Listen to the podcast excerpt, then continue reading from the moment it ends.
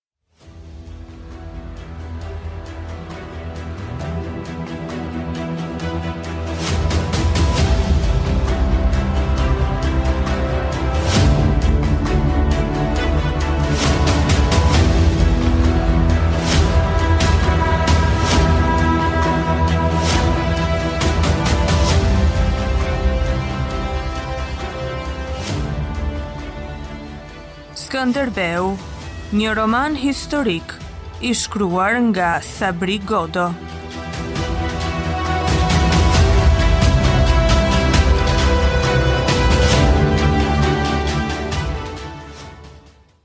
Kapitulli 24 Para sulltanit qëndronte kështjella me mure të dëmtuara në disa pika, si një frut i qëruar për gjysëm.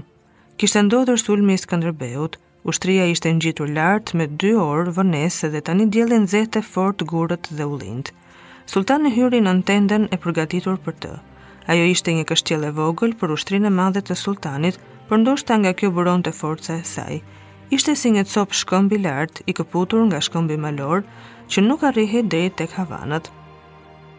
Vetëm topat e mëdhenj mund t'i arrinin muret e saj dhe për shkak të pjerrtësisë së fortë nuk mund të sulmohej veç nga portat e perëndimit dhe me shumë gjak nga muri lindor. Deri në mbrëmjen e kaluar, sulltani e kishte menduar më të lehtë punën e kësaj kështjelle. Tani që e shihte nga poshtë dhe e kishte mbi krye, ajo tregonte njëherësh fuqinë e saj të fshehur. Por gjer atë ditë asnjë kështjellë nuk i kishte qëndruar artilerisë dhe goditjes së ushtrisë turke. Rruga për të dalë në muret e saj do të gjendej. Sulltani ngriti krahun. Ushtarët zbritën valë-valë duke vazhduar thirrjen që përmbushej nga krismat e shpatave dhe shtizave apo mburojave, jo pikërisht krismë, por një zhurmë e përbërë nga mijëra lëvizje të veçanta, sikur të ishte çarë dheu e të rrekullisej poshtë ajo që gjendej në sipërfaqe. Ushtarët u dyndën në përrua dhe mbi kokat e tyre filluan të lëviznin shkallët si copa dërrasash mbi ujë që ndeshin në breg, sepse atje fillonte ngjitja. Ngjitja ishte tepër e vështirë, një kacavjerje që u shndërrua në një fërkim të mishit me tokën. Kështjella tymosi dhe gjëmoi me 35 topat e saj që nuk ishin ndier asnjëherë. Krisën dyqind dyfekët dhe fluturuan shigjetat. Shkallët ranë dhe radhët e para e të dyta të ushtarëve u shqitën nga toka dhe u hodhën praptas në përrua. Më tepër se goditja ishte shpërthimi i befasishëm që shkaktoi përmbysjen, britjen dhe dhimbjen. Ishte një vrasje në masë, prova e parë e sulmit që e bindi sulltanin se vendi do të mbulohej me kufoma. Tani do të jepej goditja e dytë dhe kështjella do të përdorte akrepat, gurët, lëndët djegëse dhe më në fund do të dilnin gjokset e mbrojtësve në bedena. Në orën 4 pasdite kështjella zbrapsi sulmin e tretë dhe topat e armikut gjëmuan për hakmarrje. Vrana Konti u mbështet në murin e ngrohtë të kullës që ta ndjente të gjallë kështjellën dhe tha se lufta kishte mbaruar. Ai nuk arrinte të mendonte nga krismat, thirrjet që ushtonin ende në vesh dhe nga gjaku që kishte humbur ai vetë. Gurët pas krahëve përvëlonin dhe ai donte ujë Ta hidhte në kokë. Dikush u afrua dhe i zgjati një ploskë. Ma hidh këtu, tha Vranakonti duke vënë dorën në sheshin e kokës. Pastaj u bë menjëherë qetësi, sikur të ishin thënë të gjitha dhe tani duhej të mendonte secili për vete. Ai ishte i lumtur dhe mendoi se një çast i tillë nuk do të vinte kurrë më. Kështjela kishte bërë detyrën, E shihte vetë Zoti. Ushtarët dhe kapitenët kishin qëndruar shtatë orë në bedena të përvëluar nga dielli, me gjakun përreth dhe me mushkri të zëna nga pluhuri, tymi dhe era e squfurit. Të plagosurit nuk donin të vdisnin shtrirë, as në gjunjë. Ndonjë i plagosur që tërhiqej nga muret kthehej prap. Kishin thirrur për Arbërinë, për Skënderbeun.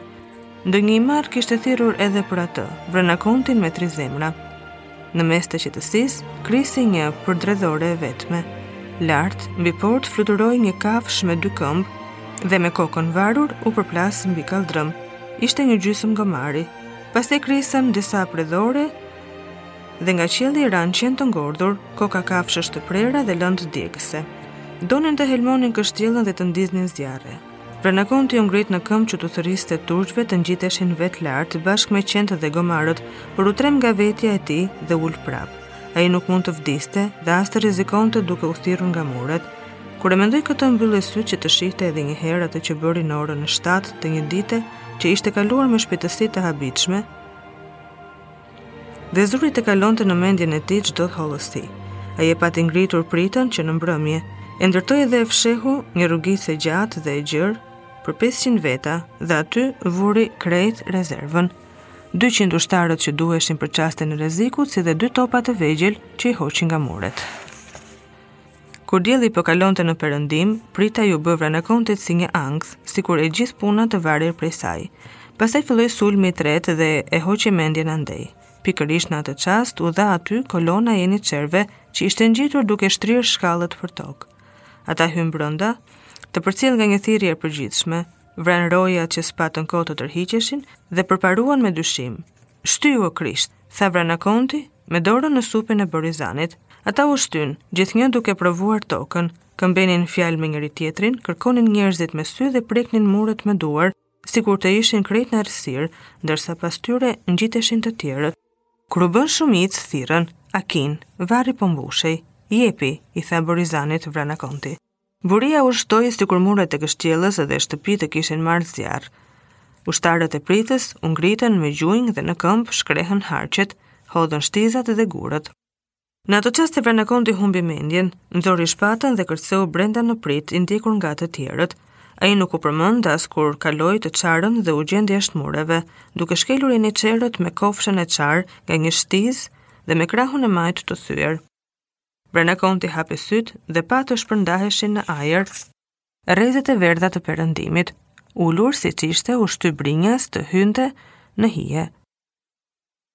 E kishte ngritur atë pritë sepse donte të prekte diçka me duar. Tani po e kuptonte atë që kishte bërë, arsyen pse e kishte bërë, si dhe gjendjen e tij të vërtetë.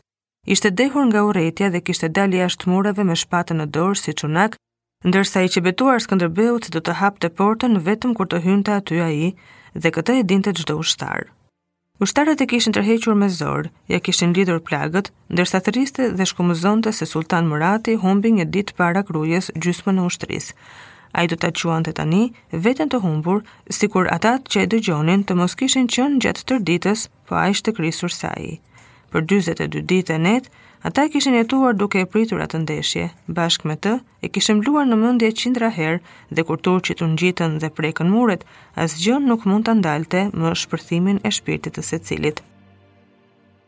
Hej, babush të vraftë zoti, qeshi ai me vete, kishte prapë etje dhe të ftohtë. Llëra e krahut të majtë i dridhej, si dhe kofsha, sikur mishi atje të kishte një shpirt të veçantë. Ushtarët e vrarë ishin kapicë prapa portës dhe lart te kisha e Shën Ndreut. Të plagosurit po mjekoheshin vetë, të shëndoshët s'kishin fuqi të luanin vendit. Ai ishte tepër i varfër, një gjysmë komandant rrëzë kullës së portës. Rrinte aty vetëm se i kishte përzënë të gjithë. Llogariti me mendje tri kthesa në kaldrëm të përpjetë dhe shkallët. Po të arrinte në dhomë, në shtëpinë që i kishte lënë Skënderbeu pa ndihmën e të tjerëve, do të mbetej komandant i Krujës dhe do të vazhdonte luftën me sultanin. Kapiteni i portës ishte përkulur mbi shtrat dhe shikonte me merak komandantin që merrte frymë rrallë dhe thellë. Kapiteni e preku lehtë në sup dhe Vranakonti hapi sytë. Janë ndezur zjarret, tha kapiteni. Mirë, tha Vranakonti. Kapiteni pa se komandanti u përgjigj në tym. Pse nuk njoftoni të vrarët dhe të plagosurit? pyeti Vranakonti. 152 të vrarë dhe 132 të plagosur, tha kapiteni. Vranakonti u çudit, ai kishte humbur një në çdo pesë ushtarë dhe ktheu kokën nga muri, Pas e gjatë kllapisë i kishin lidhur plagët. Shkojmë, tha ai dhe u ngrit ngadalë. Kapiteni ndenji gati ta priste në krahë po të rrëzohej. Në grykën e Ishmit dhe në malet e Gjormit ishin ndezur zjarret. Disa reflekse të forta vinin prapa nga mali i Krujës, por Vranakontit iu mpi trupi dhe nuk mund të kthehej që andej. Pastaj u ndezën zjarre në Dajt, në Krrabë dhe në Petrelë. Topat gjëmuan në muzg, kështjella u drodh në të gjitha muret, shkëmbi dhe qielli i Krujës thithën në heshtje erën e barutit. Mendja e Vranakontit ra si në humnerë dhe aty ai zuri të shihte pamje krejt të gjalla. Qielli ishte i vrenjtur dhe deti i skuqur. Ata në fushë prisnin shiun. Shumë prej tyre ishin varur te curili i hollë që buronte nga shkëmbi rrëzë portës. Një krutan kishte thënë, mëkat, paskan etje, dhe kishte gjuajtur shtizën me rënkim.